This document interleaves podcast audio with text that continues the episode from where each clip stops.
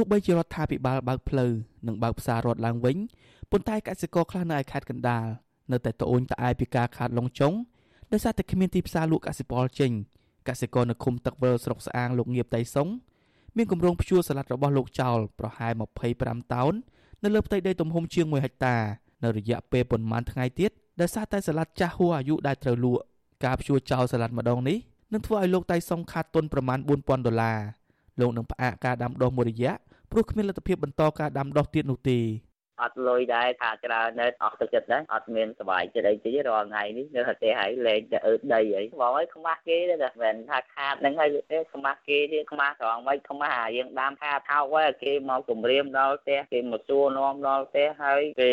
ហាមបិទសិទ្ធយើងលែងឲ្យនិយាយរឿងបរោះចោលនឹងទៀតនិយាយចំគម្រាមពេញទីហ្មងអត់មាននេះទេបាទនិយាយបងអើយយកនិយាយអ្នកភូមិអ្នកអីដល់បងអ្នកខាងនេះចង់មកមិនដឹងថាស្ថានភាពកសិករមិនទឹកភ្នែកមិនតែខ្ញុំទេបងណាទាំងអស់អានេះខ្ញុំលើកតែខ្ញុំមួយណាពិបាកតែខ្ញុំប៉ុណ្ណឹងឯងមានគេលើខ្ញុំនឹង10ដងទៀតក៏មានដែរលោកងៀបតៃសុងធ្លាប់ជួសាឡាត់ចោលម្ដងហើយ កាលពីខែមេសា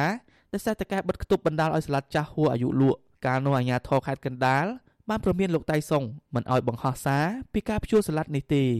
កសិកររូបនេះអះអាងថាលោកនឹងបង្ហោះសារពីការព្យួរសាឡាត់នេះចោលទៀតដែលលោកបញ្ជាក់ថាកសិករនៅស្រុកស្អាងជាច្រើនក៏ខាតដោយលោកដែរ តែពួកគេមិនហ៊ានបង្ហោះសារតាម Facebook នោះទេព្រោះខ្លាចរងការប្រមាននិងការរើសអើង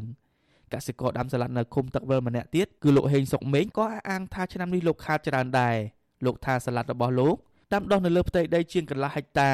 និងមានអ្នកទទួលទិញក្នុងតម្លៃ500រៀលក្នុង1គីឡូក្រាមលោកបញ្ជាក់ថាតម្លៃនេះមិនអាចលក់រួចថ្លៃដើមនោះទេ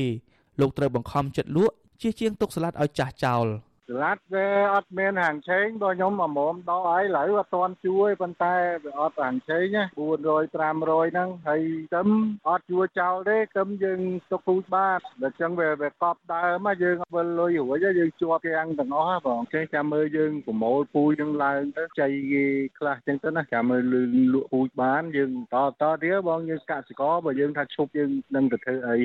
ជំវិញករណីដាំសាឡាត់គ្មានទីផ្សារនេះអាស៊ីសេរីមិនអាចសុំការបញ្ជាក់ពីអាជ្ញាធរជំនាញនៅឯខេត្តកណ្ដាលនិងអ្នកនាំពាក្យក្រសួងកសិកម្មរុក្ខាប្រមាញ់និងនេសាទលោកស្រីវុធីបានទេនៅថ្ងៃទី22ខែឧសភាតែយ៉ាងណាអភិបាលខេត្តកណ្ដាលលោកគង់សុភ័ណ្ឌធ្លាប់ប្រាប់អាស៊ីសេរីថាកសិផលនានាបានលក់ចេញនិងមានទីផ្សារជាធម្មតាព្រោះគ្មានកសិករណាបានតវ៉ាឬសុំកិច្ចអន្តរាគមន៍មកអាជ្ញាធររឿងគ្មានទីផ្សារនោះទេទោះជាយ៉ាងណាអ្នកជំនាញកសិកម្មសង្កេតឃើញថា ការធ្លាក់ចុះនៃតម្លៃកសិផល និងករណីគ្មានទីផ្សារកើតឡើងសឹងតែគ្រប់ខេត្តក្នុងស្ថានភាពបិទគប់រយៈពេលជាង1ខែមកនេះអគ្គលេខាធិការសម្ព័ន្ធសហគមន៍កសិករកម្ពុជាកញ្ញាកែវវណ្ណរាជំរុញឲ្យអាជ្ញាធរមូលដ្ឋាន និងរដ្ឋាភិបាលអន្តរាគមជួយកសិករនៅក្នុងក្របខ័ណ្ឌទូទាំងប្រទេសទើបធ្វើឲ្យកសិផលមានទីផ្សារឡើងវិញបន្ថែមពីនេះកញ្ញាក៏ជំរុញឲ្យកសិករចងក្រងគ្នាជាសហគមន៍ដាំដុះដើម្បីងាយស្រួលរកទីផ្សារ និងការសុំកិច្ចអន្តរាគមន៍នានាតកតងមួយដំណោះស្រាយមួយទៀតជាពិសេសមេភូមិមេឃុំដែលនៅជិតជាងគេនៅពេលដែលមានបញ្ហាបែបហ្នឹងកើតឡើងពួកគាត់គួរតែត្រូវបានអន្តរាគមន៍ឬមួយក៏ចុះទៅសិក្សាពីបញ្ហាជាក់ស្ដែងដែលពួកគាត់កំពុងតែប្រឈមហើយផ្ដោតជាពិសេសនោះគឺការិយាល័យទីហើយនឹងក្រសួងកសិកម្មដែរព្រោះយើងមើលឃើញថាបញ្ហាដែលប្រឈមរឿងទីផ្សាររឿងអីហ្នឹងគឺមិនមែនកើតតែនៅក្នុងខេត្តកណ្ដាលទេដូចនៅបាត់ដំបងនៅសៀមរាបថ្មីថ្មីក៏មានការលើកឡើងពីបញ្ហាអត់ទីផ្សារអត់អីដែរកាលពីឆ្នាំ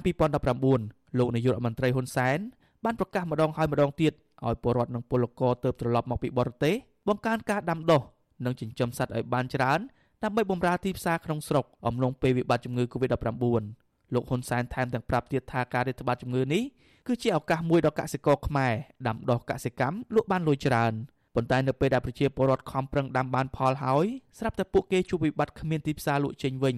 ហើយចាប់ពីពេលនោះមកលោកហ៊ុនសែនក៏មិនដែលប្រកាសពីវិធានការជួយកសិករបែបណាទៀតនោះទេរបាយការណ៍របស់អគ្គនាយកដ្ឋានកសិកម្មបង្ហាញថារយៈពេល1ឆ្នាំកម្ពុជាត្រូវការបន្លែជាង1លានតោន